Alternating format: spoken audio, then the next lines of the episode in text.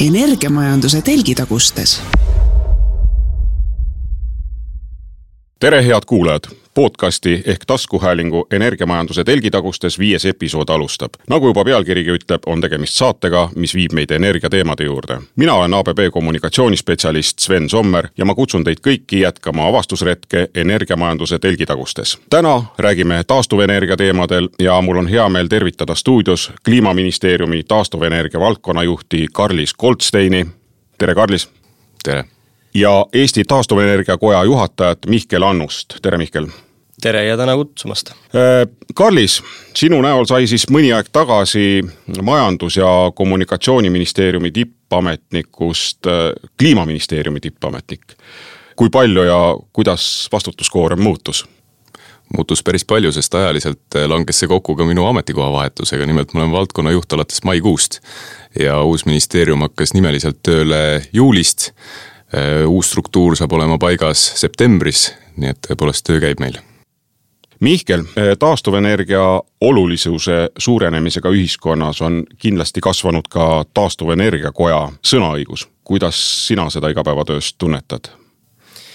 ma tunnetan seda niimoodi, et ega mulle vähemalt tundub, et äh, ka varem oli, oli see ikkagi oluline ja kunagi sellist, sellist tunnet ei olnud, et nina ees uks kinni lüüakse, aga tegelikult jah, et viimased ütleme kaks aastat on mitte ainult ütleme, meie uksele ei, ei tulda kriipima ainult, vaid, vaid seda on näha ühiskonnas tervikuna või ütleme, ka meediapildis või kuidas eravestlused kujunevad, et tihtipeale need teemad, kas energeetikani, mis tänapäeval ongi taastuvenergeetikaga läbivalt läbi põimunud, et need teemad on palju rohkem esil, absoluutselt. no kohe on käes äh, september ja seda aastat on veel üksjagu minna, aga mulle tundub, äh, et sel aastal on üsnagi palju juhtunud, äh, millel võiks natukene peatuda. ma ise oma igapäevatöös näen seda läbi meedia monitooringu, kui palju on taastuvenergia teemad ainuüksi meedias esil, et mitukümmend artiklit päevas tuleb seda informatsiooni ma vaatasin kiiruga läbi aasta algusest, äh, mis toimunud on äh, taastuvenergia erinevate projektidega, äh, mis on valminud, valmimas projekteerimisel, uuringute staadiumis, ideede staadiumis. sain kokku sellise nimekirja, Enefit Greeni Sopi-Tootsi tuulepark, mis siis on valmimas kahe tuhande kahekümne neljanda aasta lõpuks kolmekümne kaheksa tuulikuga sama ettevõtte Purtse tuulepark, mis siis on valmis, esimene tuule ja päikese hübriidpark Eestis. veel Enefit Greenist rääkides siis Liivi lahe meretuulepark, kuhu on planeeritud viiskümmend kuni seitsekümmend tuulikut, võimsust üks gigavatt. Sunly Wind Pärnumaa päikesepark võimsusega nelikümmend viis megavatti. Kaamos Energy Ruusa päikesepark Liivi üks ja Liivi kaks meretuulepargid, kus on nüüd siis äh, selline staadium, et äh, on esitatud kokku siis äh, seitse taotlust. Utilitas Windi Saare-Liivi meretuulepark, mm, mille keskkonnauuringutega loodetakse siis tänavu lõpule jõuda. Saare Wind Energy planeeritav ühe gigavatine park, veel huvitavaid projekte Enefit Greenilt kaks tükki, üks siis Estonia kaevanduse aheraine mägedele kavandatavad äh, päikeseenergiapargid. Ja hiljuti siis äh, ühe viimase sellealase uudisena, kahekümne neljandal augustil siis äh, hakkas esimene tuulik tootma energiat Enefit Greeni Tolbanvaara tuulepargis Põhja-Soomes. Minu jaoks päris muljetavaldav nimekiri, kas jäi midagi nimetamata ja millised on teie kommentaarid? jaa, see on tõesti muljetavaldav nimekiri ja siin isegi tunnistame ja ütleme ausalt äh, äh, kuulajatele, et me tegime selle tunnikontrolli, ütleme paar sekundit enne salvestust äh, ära ja ja ma nüüd kuulan seda nimekirja uuesti ja ma tunnistan, et mina ühe sellise väga olulise jätsin mainimata, ütleme, mitte mainimata, aga ma ei, ma ei pannud tähele, et see puudu on. aga loomulikult kõige modernsemad tuulikud, mis täna Eestis juba püsti on, on täielikult jäänud sealt nimekirjast välja, nii et septembrikuus tegelikult avatakse Saarde Utilitas, Utilitase esimene Eestis siis püst-, püstitatud tuulepark, nii et on, mida, mida vaadata, et nüüd kui me vaatame tagasi, siis pikka aega ei toimunud ju mitte midagi tuuleenergia, energia valdkonnas, no ütleme lihtsustades, et taustal ikka vast natukene, aga, aga selliseid suure, suuremaid modernseid äh, tuulikuid äh, kellelgi äh, võimalust püstitada ei olnud, aga nüüd täna, kes liigub Kilingi-Nõmme kandis, sõidab sealt näiteks Viljandi poole, siis juba näeb, et täitsa tänapäevased tuulikud on ka Eestis juba, juba, juba püstitatud ja, ja annavad ka voolu nimekiri on pikk, selles ei ole midagi üllatavat iseenesest, sellepärast et võime mõelda tagasi möödunud aastale, kui kõrged energiahinnad panid inimesi mõtlema nii varustuskindlusele kui ka sellele, et kuidas taskukohaselt oma igapäevaseid asju ajada. ja see nimekiri ei ole kindlasti ka lõplik, sellepärast et meil on pikk tee veel minna, mainitud veel ei ole, aga oleme võtnud riigi eesmärgiks ju sada protsenti taastuv elektrit aastaks kaks tuhat kolmkümmend. Ja kui kasutada spordimetafoori, siis ma kasu-, võtaks analoogiks rattatuuri. selles mõttes, et tuleb äh, vaadata, et äh, mis hetkedel arengud lähevad kiiremini, ma arvan, et praegu on selline üks kiirendamise hetk, kus me sprindime, pikka aega pole toimunud, nüüd on äh, tuulepargid tulemas tarbijate juurde ja teinekord on need hetked, kus on lihtsalt vaja püsida tuules. ja, ja see etapp on praegu päris mägine, on ju Eesti kohta võib-olla küll, aga ma arvan, et tõusvas joones, et meil on siin maismaatuult ikkagi päris palju tulemas, päike on juba tulnud, teinud oma avangu ja diskussioon käib äh, meretuule teemadel. kavas on siis oktoobrikuu sees äh, analüüsida, esitada valitsusele selline memorandum, kus äh, hindame kliimaministeeriumi poole pealt, et kuidas kõige kulutõhusamalt seda taastuvelekter sada eesmärki täita no kui juba rattatermineid kasutada, siis vahepeal lasti nagu jalg sirgeks või? ma arvan, et enne igat etappi on vaja rattad korralikult ära hooldada, valmis seada, meeskond teeb äh, taustal trenni. Äh, taastuvenergia Koda siin ja ka Eesti Tuuleenergia Assotsiatsioon on olnud head partnerid koos arendajatega. Äh, diskussioon käib, nemad on ka kaasatud selle analüüsi koostamisse. ega ennem ei saa ju ilma nii-öelda rada kaardistamata ka tormama hakata, et me esimesel tõusul ennast kinni ei jookse see on tõepoolest pikk distants, mis meil tuleb läbida selleks, et äh, lõppkokkuvõtteks terve majandus oleks süsinikuneutraalne aastaks kaks tuhat viiskümmend. kui me nüüd oleme sprintima hakanud ja kõik on justkui paisu tagant äh, välja pääsenud, äh, siis esimene küsimus, et kuidas võrk sellele vastu peab? ma arvan, et see on selline küsimus, et mis on pidevas muutumises, sõltuvalt sellest, et kuhu tootmine, kuhu tarbimine geograafiliselt ka satub otseliinide võimalus on hetkel väga atraktiivne, see tähendab, et sinna, kuhu tuleb tootmine, tuleks ka tarbimine. see on nii finantsiliselt atraktiivne, kuna võrgutasu äh, sellisel puhul ei tuleks maksta. Äh, teisest küljest on see ka ühiskonnale sobilik, sellepärast et äh, elektron ei pea ühest riigi otsast teise minema. vaatame, meil on omajagu veel aega minna, need pargid, mis meil hetkel kavandatud on, need mahuvad ära koos võrgu tugevdustega eks siin ole meretuulega seoses äh, täiendavaid investeeringuid loomulikult vaja, aga see on ka sellises laiemas kontekstis küsimus, et kuidas ühendada Eesti võrk täiendavalt äh, Läti võrku. nagu see nüüd kuulajad kaadri taha ei näe, aga klaas minu ees on äh, nii pooltühi kui pooltäis, et ütleme, ükski meist ei alusta, me pole stardijoonel täna, et kui vaatame nii-öelda enda selja taha, ma mõtlen kalendri mõttes, siis Eestis on juba palju ära tehtud ära tehtud selle nimel, et, äh, et saada puhast elektrit, äh, mis viimastel kuudel ja aastatel on ikkagi hoidnud meie elektri hinna siiski mitte nii kõrge kui, kui, kui näiteks mujal. Eestis on umbes kolmandik elektrist tuleb juba täna taastuvatest energiaallikatest, et et ma arvan, et kui me paneme selle kuhugi spektrile skaalale, siis me ei ole sugugi nüüd kõige halvemad aga, aga jah, et äh, miks me täna räägime just äh, tuuleparkidest, on see, et me näeme, et äh, seal on see meie potentsiaal kõige avaram, seal on meil kõige rohkem võib-olla tööd ka teha, et need ülesanded näiteks ütleme, kõrvutame päikeseparkide rajamisega, et ütleme niimoodi, et et seda on palju lihtsam teha. Palju kiirem protsess, seda on näidanud ka viimased aastad, et miks just päikesepark Eestisse riburada, rada pidi viimastel aastatel rajatud on. et ta on lihtsalt kiirem, mõnes mõttes ka, ka mugavam, eriti kui sa oled, ütleme, era, eraklient, eratarbija, eratootja. et keegi sulle, ütleme, eramaja tagaaeda tuulikut ei püstita äh, enam, äh, aga, aga päikesepargi katusele paneb ikka ja hea meelega tehakse seda tänaseni seoses äh, taastuvenergia päikeseparkide kiire arenguga võib-olla tasub mainida võrguühenduste piisavust ja fantoomliitumiste küsimust, mis ka on meediast läbi käinud. nüüd käesoleval aastal jõustus siis seadusmuudatus, millega need, kes on broneerinud endale võrguvõimsuseid, kuid neid veel ei kasuta, peavad siiski selle eest maksma tasu, päris tasuta see privileeg neil ei ole. Ja see on hetkeks siis juba vabastanud äh, tuhat kaheksasada megavatti, mis on täiesti võrreldav äh, ühe selline pooleteise meretuulepargi jagu äh, võimsusega meie võrgus.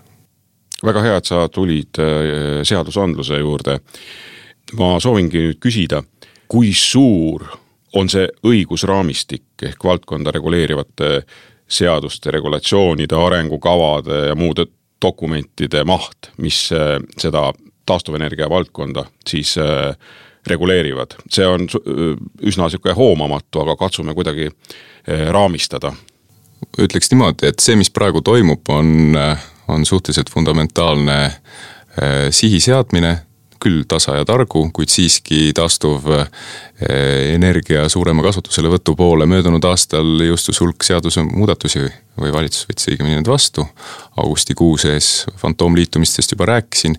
teine oluline asi, mis eh, jõustus eh, juulikuu alguses, oli siis nii-öelda nimetatud tuulikutasu millega kohalikud omavalitsused ja, ja kohalikud inimesed saavad ka osa sellest kasust majanduslikus mõttes mida siis taastuvenergia neile toob. kogu see taust ja kontekst ikkagi, tuletame meelde, hakkab pihta sellest, et äh, meil on vaja pista rinda nii hiinlastega kui ameeriklastega. ja selleks on Euroopa Liit valinud äh, siis rohelise taastuva tee, milles ka Eestil on oma roll mängida ja sinna oma sellise vürtsi lisas möödunud aasta äh, energiakriis. sellest tulenevalt praegu ütleme niimoodi, et esimesed sammud on tehtud, meil on eh, energiamajanduskorraldusseadus eh, kenasti paigas, meil on vähempakkumiste voor, mis eh, järgmisena nüüd viiendal septembril läheb lukku, eks ole ja noh, eks me sellest siis järjest nagu õpime, et see evolutsioon seadusandluses on pidev ja, ja teeme protsessi kiiremaks, teeme arendusi läbipaistvamaks oluline mõõde on siin ka see, et kuidas kohalikul omavalitsustel ja, ja kohalikel inimestel see kasu ettevõtetel nii-öelda tuleb sellest taastuvenergia arendamisest. et siin on mitu-mitu suunda, kus me töötame mitte ainult seadusandlikult, vaid ka pehmete meetmetega.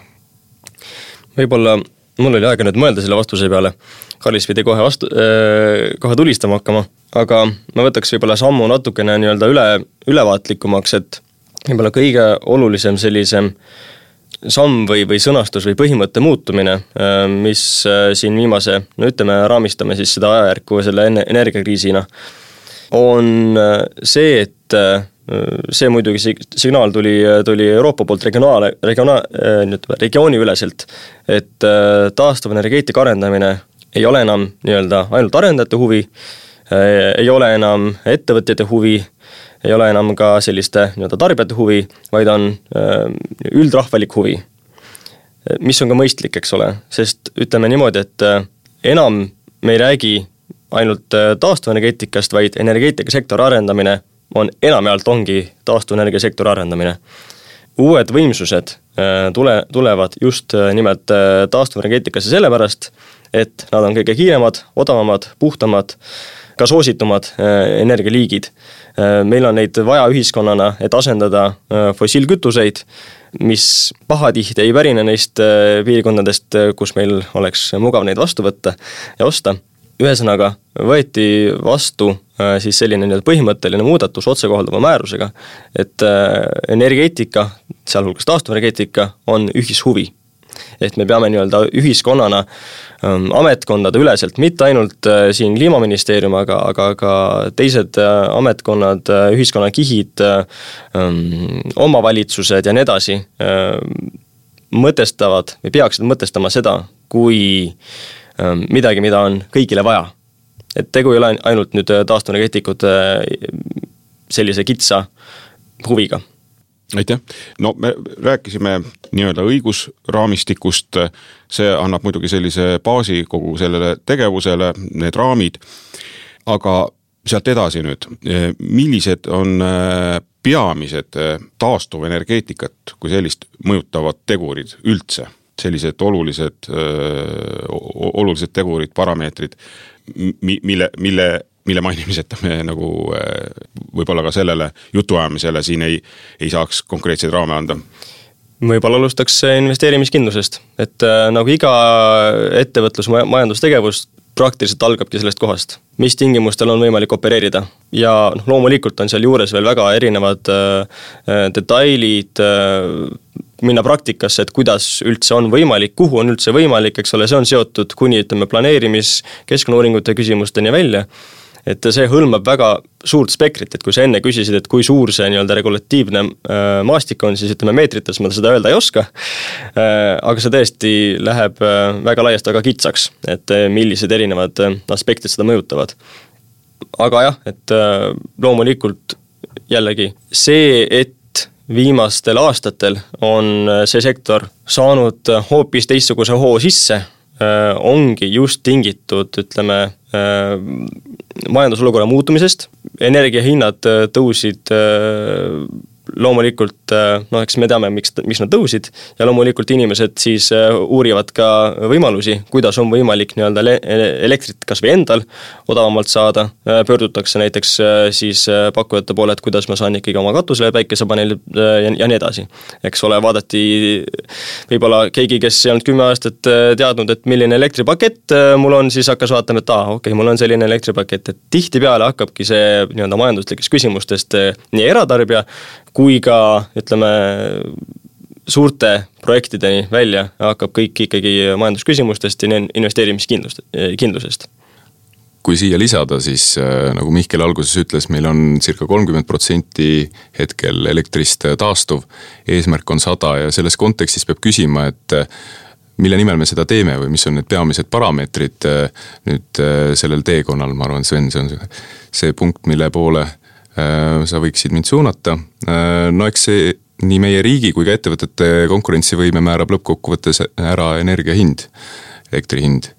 Äh, ja seal on noh, sellised parameetrid näiteks, et juhul, kui energia on taastuv, aga taastuvenergia tasud tõusevad, nii et lõpuks võrreldes teiste riikidega ei ole Eesti hind parem, siis see võib ka nii-öelda seal tarbimise poole peal takistada majanduse arengut meie jaoks, ütleme siin energeetika osakonnas äh, ikkagi põhiülesanne on see, et tagada varustuskindlus, aga kindlasti on ka riiklik lubadus äh, taskukohane äh, hind nii, nii tarbijale kui, kui ettevõtjale. ja siis sinna juurde tuleb see sada protsenti taastuvelektri eesmärk. et ma arvan, et tuleb vaadata, kuidas eriti siis, kui riik sekkub ja panustab taastuvenergia arengusse, siis millisel määral ja kuidas maksimeerida seda kasu, seda plusspoolt, mis meil siia jääb ehk et äh, taastuvenergiat puhtalt arendada taastuvenergia pärast on pool pilti, sinna kindlasti peaks vastu tulema see teine pool, et kuidas me näeme Eesti ühiskonna arengut järgmise kümnendi, kahe või kolme kümnendi jooksul. ja kui ma luba, äh, luban endale veel ühe repliigi selles äh, teemas, et minnes võib-olla isegi veel suuremaks ja veel laiemaks ja võib-olla mõne, mõne puhul, mõne inimese puhul ka hoomamatumaks on äh, loomulikult, äh, noh, Karlis küsis, et miks me seda teeme, äh, ühed on loomulikult sellised energiajulgeoleku küsimused, varustuskindluse küsimused, majandusküsimused ja nii edasi, aga keskkonnaküsimus, mis on võib-olla isegi sellest nii-öelda prioriteetide nimistust sinna tahapoole kukkunud, aga see ei ole vähendanud seda ähm, tähtsust. ma mõtlen prioriteetide nimistust, et see kuidagi enam ei kõla nii äh, oluliselt kui need teised märksõnad, mida ma nimetasin me peaksime ühiskonnana tervikuna vaatama, et, et need sammud, mida me teeme, kas me teeme siis nii-öelda positiivset mõju või negatiivset mõju sellega. Ja pahatihti ütleme, pole ime, et meie see nii-öelda, kuidas nüüd öelda, et ressursside ammendumise päev aastas tiksub aina varasemale kuupäevale, ehk siis me, me kuidagi kasutame enda ressursid ühe aastaks antud nii-öelda kujundlikult ressursid ära palju varem, kui, kui, kui me võiksime või peaksime. et ühesõnaga, taastuvenergeetikat või ütleme, see, et üks energialiik on kuidagi nii-öelda taastuv, see on, ütleme, põhimõtteline erinevus äh, sellest, äh, kus me, kust me tuleme.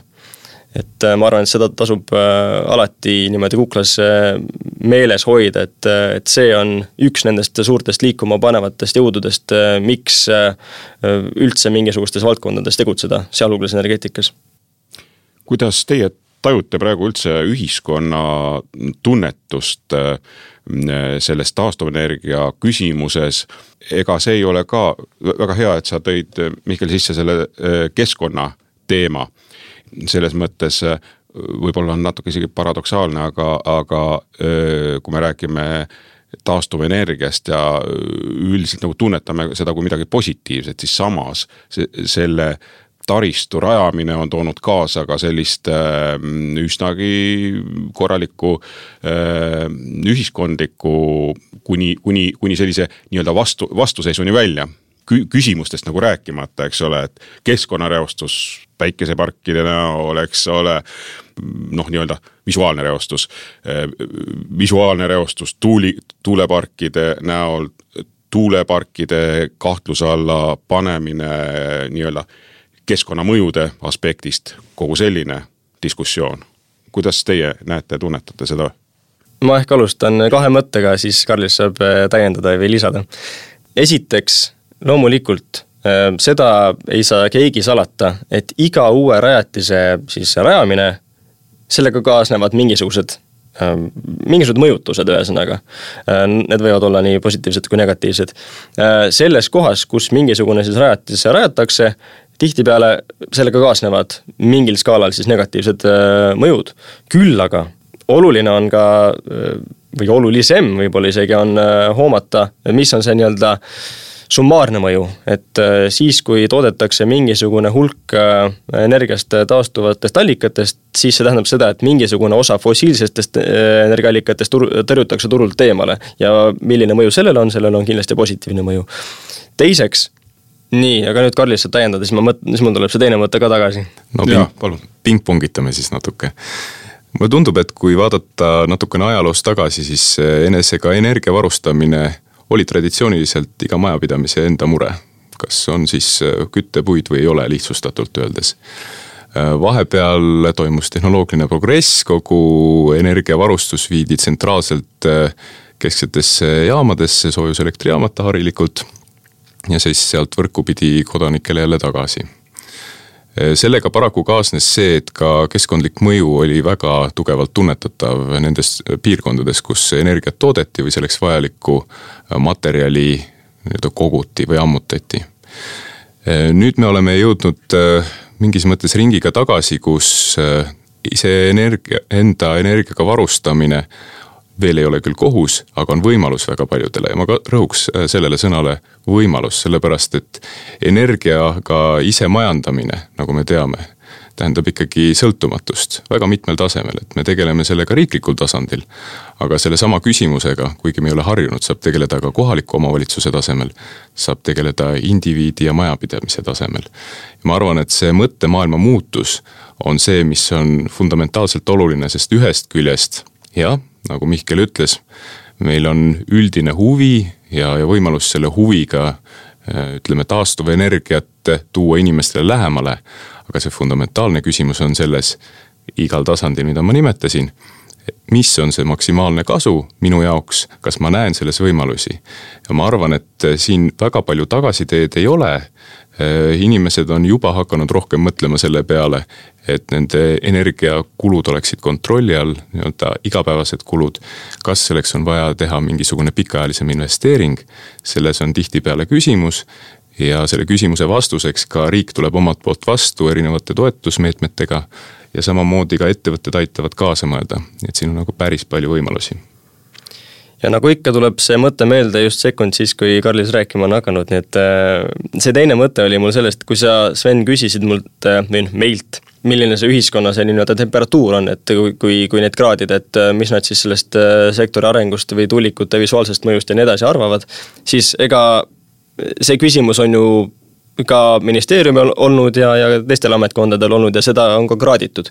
Äh, täitsa selliste äh, süvitsi minevate uuringute kaudu ja sealt äh, ongi välja tulnud, minu meelest Kantar Emor tegi selle täitsa mõni aeg tagasi.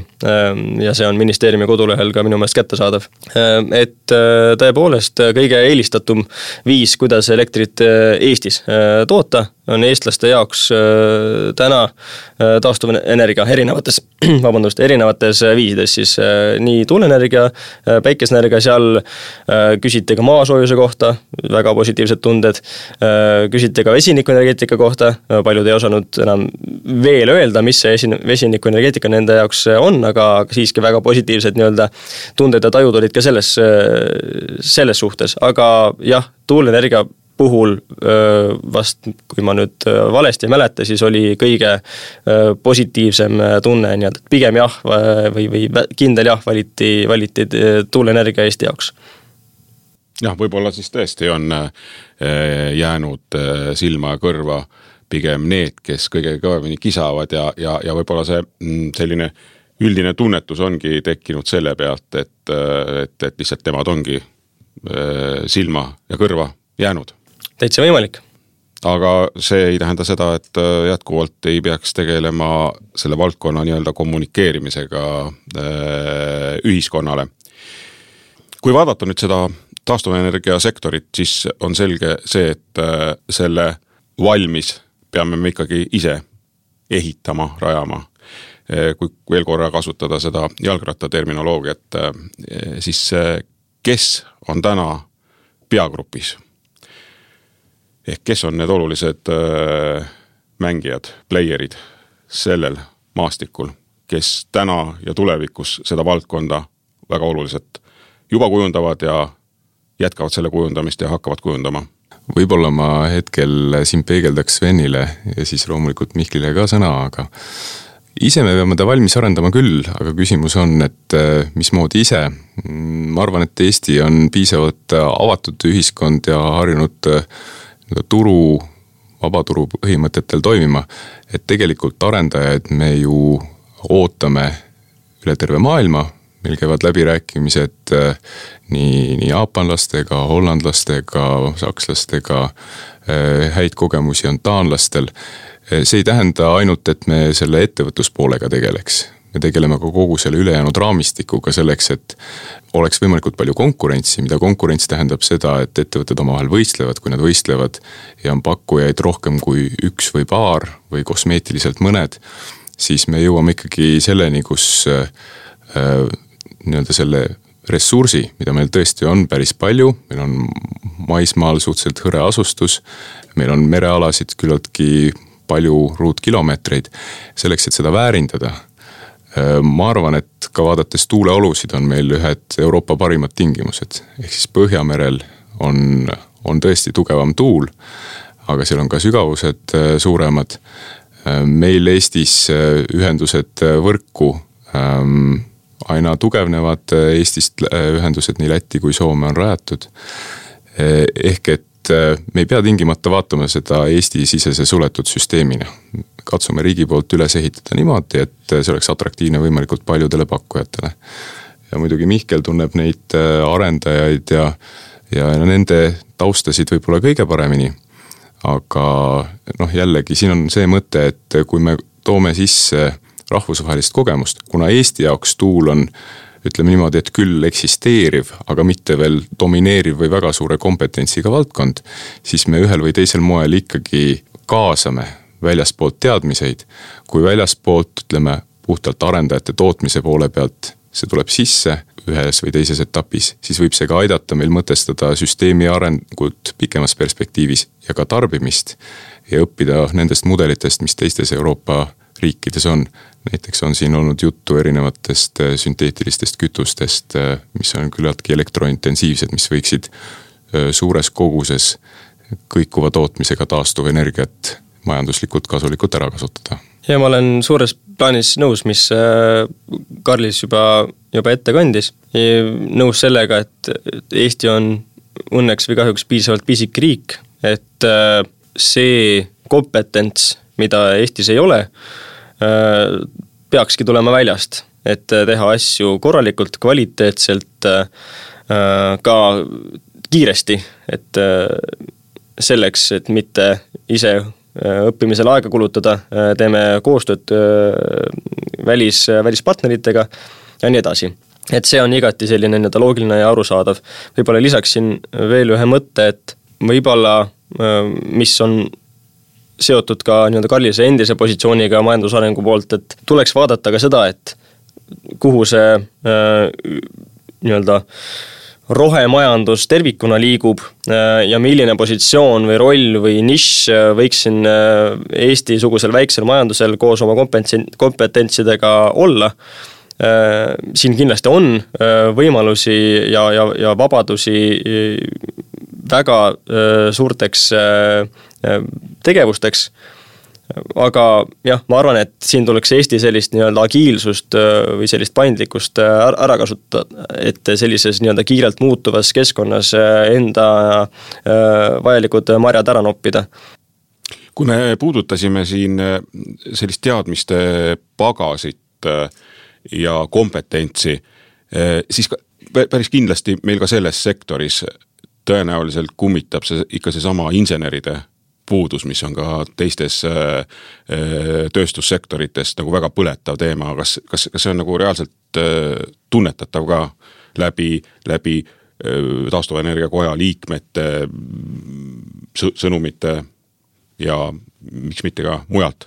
lühike vastus ikka on, jah, loomulikult, et äh, nii paigaldajad, hooldajad, noh, ma nüüd räägin üle, üleüldiselt, mitte ainult äh, tuuleenergia valdkond, äh, soojustehnika insenerid, projekteerijad, kuni tegelikult nii-öelda keskkonnauurijateni välja, et kui meil on palju nii-öelda projekte kuskil laual, siis keegi ju peab need ära menetlema, ära uurima, ära projekteerima, ära hooldama, paigaldama ja nii edasi, et et kui on selline nii-öelda kasvav valdkond, eks ole, siis äh, tihtipeale sellised kasvuvalud äh, annavad ka sealtpoolt tunda siia lisan seda, et äh, lisaks sellele, et arendajatel on inimesi vaja, on ka vaja neid arendusi menetleda.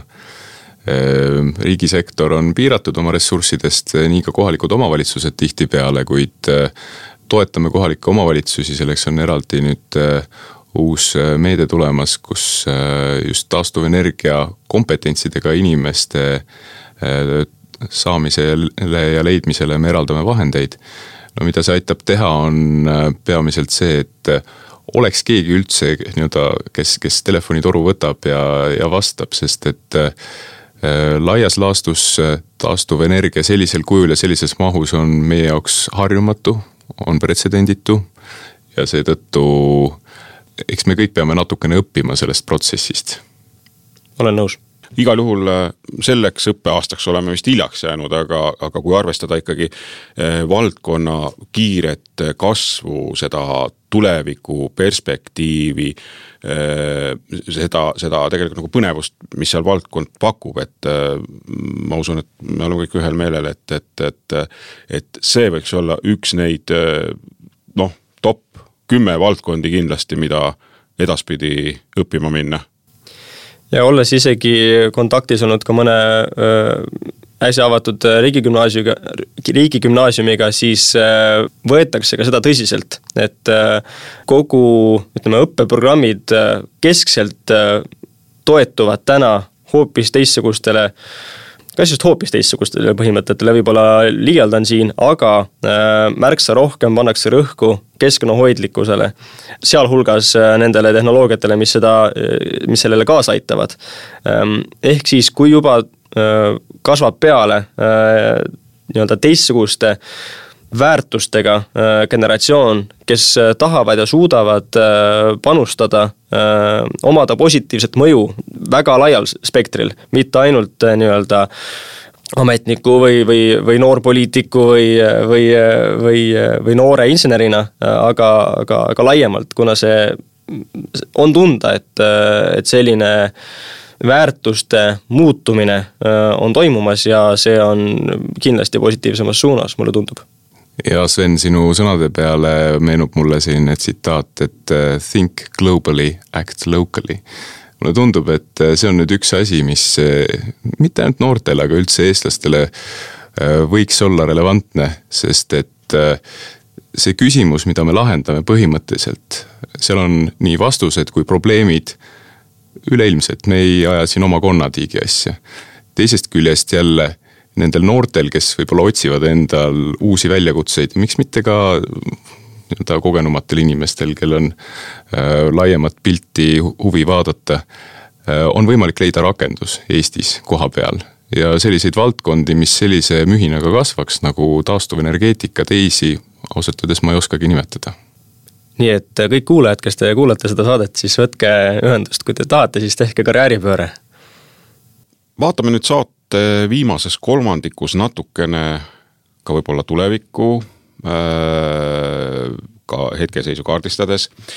Äh, milline on meie taastuvenergia sektorite noh, põhiliselt siis ikkagi räägime tuulest ja päiksest, kuna ülejäänud taastuvenergia sektorid tõenäoliselt on üsna marginaalsed nendega võrreldes.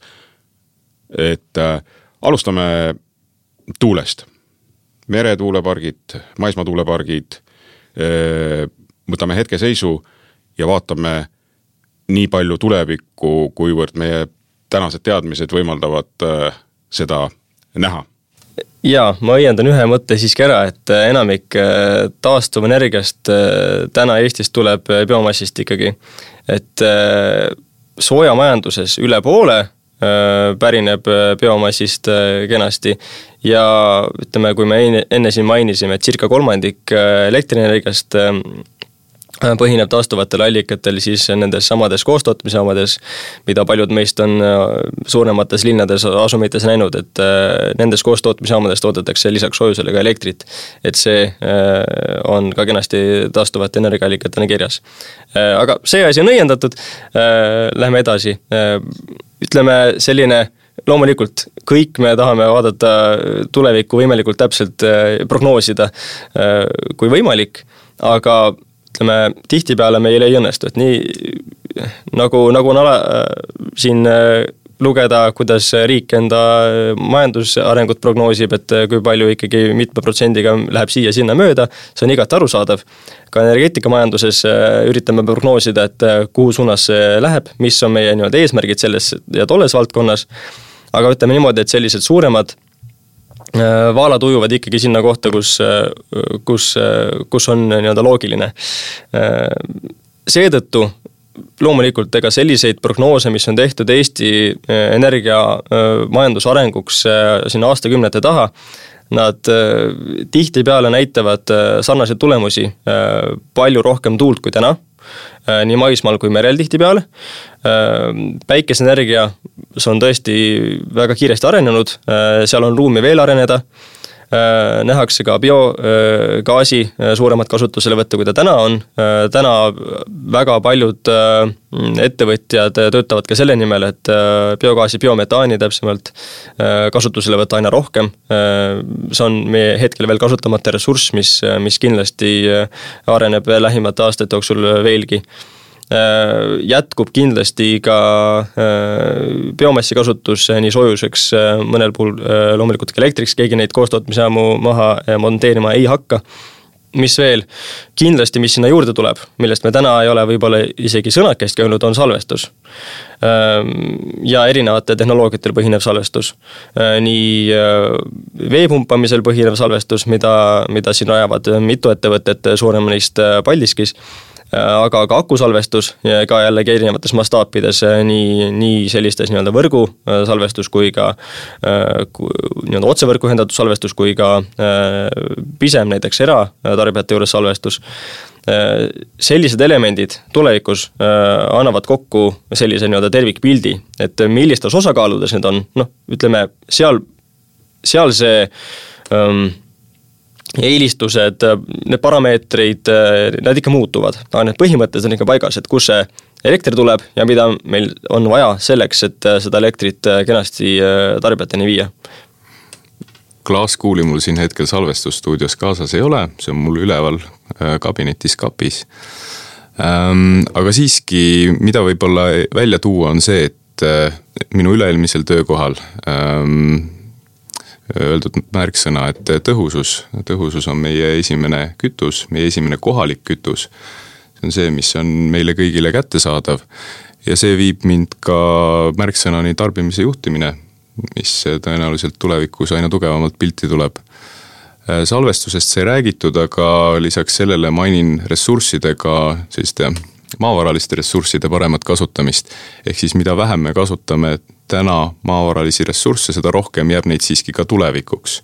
ehk siis see funktsioon, mis põlevkivi hetkel ahjus täidab tal võib olla tulevikus mingisugune muu ja nutikam rakendus, äh, mis on ühtlasi ka parem, parem kohalikele inimestele ja keskkonnale. ja kui võtta laiem pilt, siis ähm, kaks tuhat kolmkümmend on meil siin varsti tulev verstapost.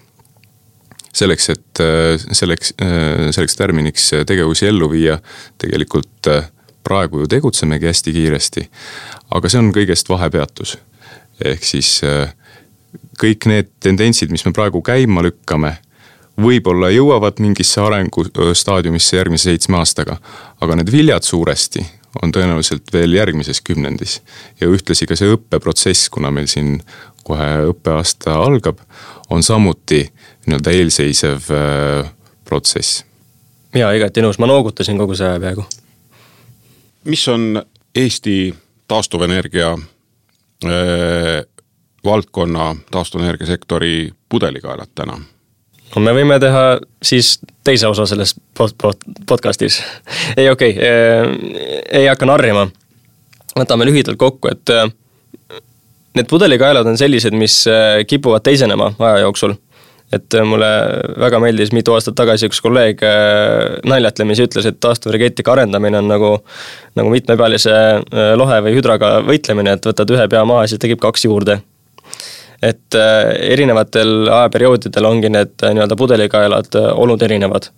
aga ütleme, nimetame siis mõned, et täna selgelt, need on tegelikult meil juba vestluse käigus märksõnadena väljas, läbi käinud et äh, võrgu vastuvõime, vastuvõtmise võimekus, äh, planeerimise küsimused, et äh, kui kiiresti on meil võimalik leida kohad tuulikute jaoks, kus sellel oleks minimaalne mõju ja, ja, ja selle mõju arvestamine on loomulikult äh, kolmas äh, selline äh, küsimus või pudelikael, et kus on väiksem mõju loodusele, on suurem mõju elanikele ja vastupidi, eks ole.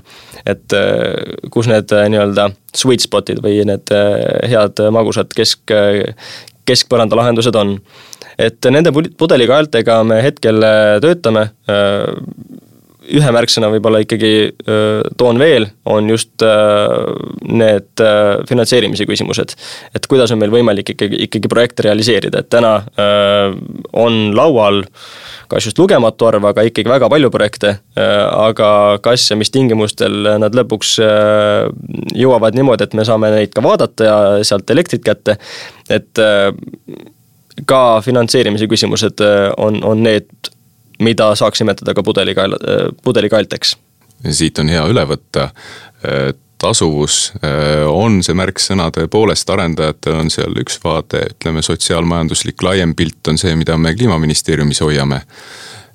see saab olema siis ka sügisel vastavasisulise debati osa valitsuses kõigega nõus, mis Mihkel siiamaani ütles, need märksõnad on läbi käinud, kui me oleme arendajatega suhelnud, aga lisan veel juurde, et kuna me, meie see kaasatavate ring on hästi lai, eh, nii kolleegid riigiasutustest, kohalikud omavalitsused, kodanikud, eh, erinevad ettevõtted nii Eestist eh, seest kui väljast, nii tootmispoole pealt kui tarbimispoole pealt, siis selline võtta, võttes helikopteri vaate märksõna on ikkagi prognoositavus. see, mis annaks kindluse ühest küljest äh, kui me räägime siin Mihkliga arendajatest, siis arendajatele selles, et äh, mis on riigi kavatsused, äh, milline on see tugiraamistik, mis äh, ärilisi otsuseid võib muuta või mitte muuta tasuvaks. sealhulgas riigipoolsed nõuded, regulatsioonid, erinevad puhveralad, tehnilised standardid, mis mängivad suurt rolli tehnoloogia valikus, asukoha valikus, ähm, võrgust juba räägiti, äh, aga ka kohalikes äh, kogukondades on samad küsimused. Ähm, ei olnud tuuleparki, aga näe, nüüd paistab. mis see tähendab, mida see tähendab kohalikule liigilisele mitmekesisusele, kas sellega kaasneb ühiskonnale, inimesele kasu või kahju, kas tekib ütleme, tõmbekeskus piirkondadesse ja siin me räägime just ütleme sellist taastuvenergia hajatootmise potentsiaalsest positiivsest mõjust.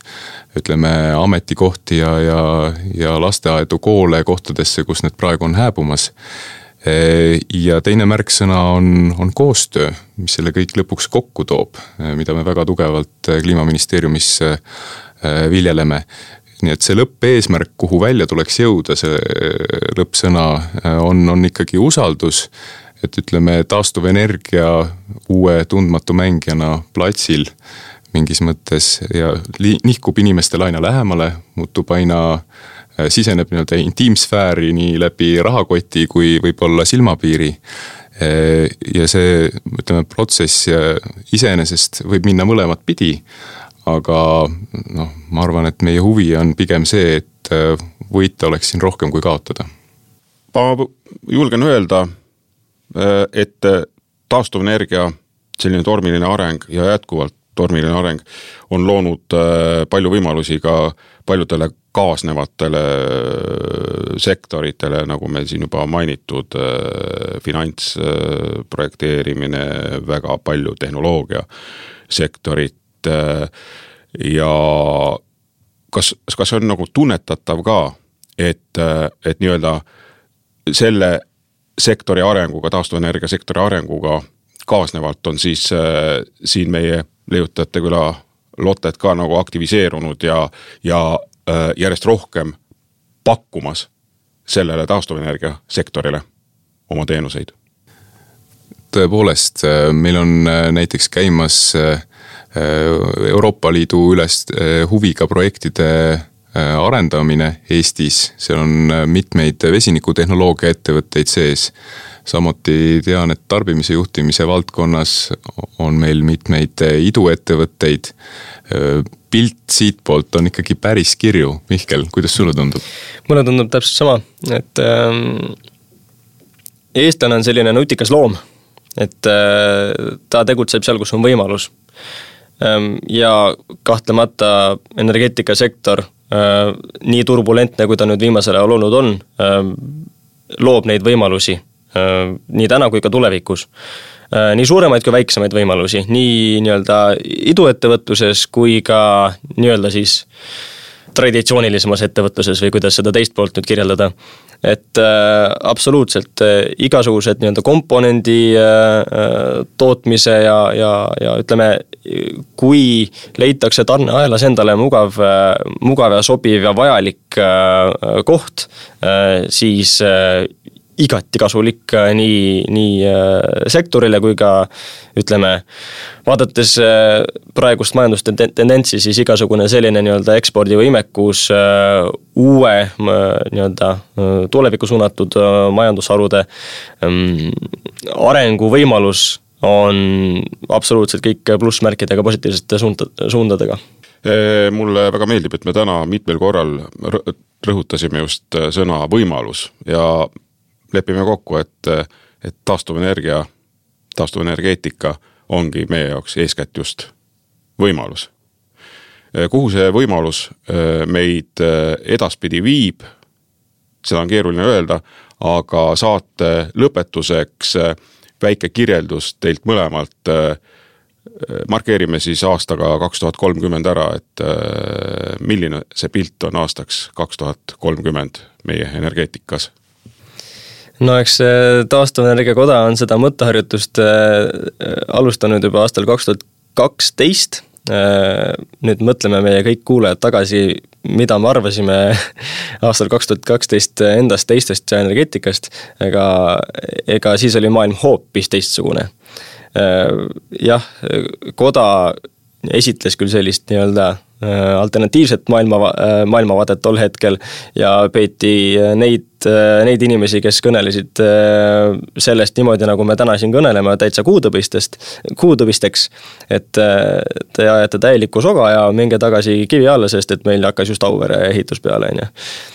et ähm, jah, mina näen seda maailmapilti võib-olla isegi äh, palju positiivsemates toonides ja, ja hoian ka seda äh, näpu peal sellel põhimõttel või mõttel, et et tihtipeale sellised suured äh, muutused äh,, ka ühiskonna läbivad muutused, toimuvad nii-öelda ilma suure tähelepanutagi. see tähendab seda, et võib-olla sellist pisikest muutust me tajume ähm, tajume äkilisena, aga mingisugust sellist suurt äh, faasinihet, äh, see toimub kuidagi nii-öelda ilma meie suurema tähelepanuta, äh, palju ja ühtäkki nii-öelda kümme aastat tagasi vaadates mõtled, et ahaa, et me oleme sellise teekonna läbinud viimase kümne aasta jooksul, nii et ma arvan, et noh, praegu on seitse aastat minna, et võib-olla seitsme, seitsme aasta pärast tagasi vaadates tänasesse päeva mõtleme ka, et ahaa, tegelikult me oleme ikkagi väga pika maa äh, maha käinud. ja kõikidest nendest äh, märksõnadest, millest me täna rääkinud oleme, et äh, ma arvan, et äh, enamik neist ka positiivses võtmes realiseerub, meil on palju rohkem taastuvelektrit, siht on küll sada protsenti, aga ma usun, et see on isegi nii-öelda üle saja protsendi, sest ka ekspordime tol hetkel ma tahaks, tahaks loota, ette kujutada. ja meil on ka salvestusvõimsust, meil on äh, tarbimisjuhtimist, meil on ühiskond, mis on palju rohkem sõbraks saanud äh, selle energiasüsteemiga, mis meil tol hetkel kättesaadav on. Karis juba sai mainitud äh, vestluse alguses taastuv elekter sada eesmärki, mul ei ole põhjust kahelda hetkel, et me selle täidame. kui vaadata me näiteks meie meretuule potentsiaali, siis sellest piisab, rõhksõnal potentsiaal, mitte majanduslik, mitte tehni-, tehnoloogiline veel aga selleks, et seitsmeteist kuni kahekümnekordselt katta see samm, mis meil on vaja aastani kaks tuhat kolmkümmend saavutada. see kakskümmend korda rohkem ressurssi paneb meid mõtlema sellele, et äh, kui palju arendada on mõistlik, kas me jääme nii-öelda toppama selle kaks tuhat kolmkümmend eesmärgi peale või vaatame kaugemale. kui me vaatame kaugemale, siis mida on meil sealt võita. nii et ma olen nõus Mihkliga selles, et äh, protsess on pidevas muutuses, aga kõik uus võib olla ka hoolega unustatud vana. nii et äh, ringi pidi tagasi looduse lähedasemate lahenduste juurde. aitäh, aitäh saatesse tulemast, äh, kliimaministeeriumi taastuvenergia valdkonnajuht äh, Karlis Goldstein. aitäh. ja Eesti Taastuvenergia Koja juhataja Mihkel Annus. aitäh, väga meeldiv tänan teid sisuka vestluse eest ja samuti kõiki kuulajaid ja meie podcasti jälgijaid. ilusat päeva ja kohtumiseni järgmistes podcastides iga kuu viimasel neljapäeval. energiamajanduse telgitagustes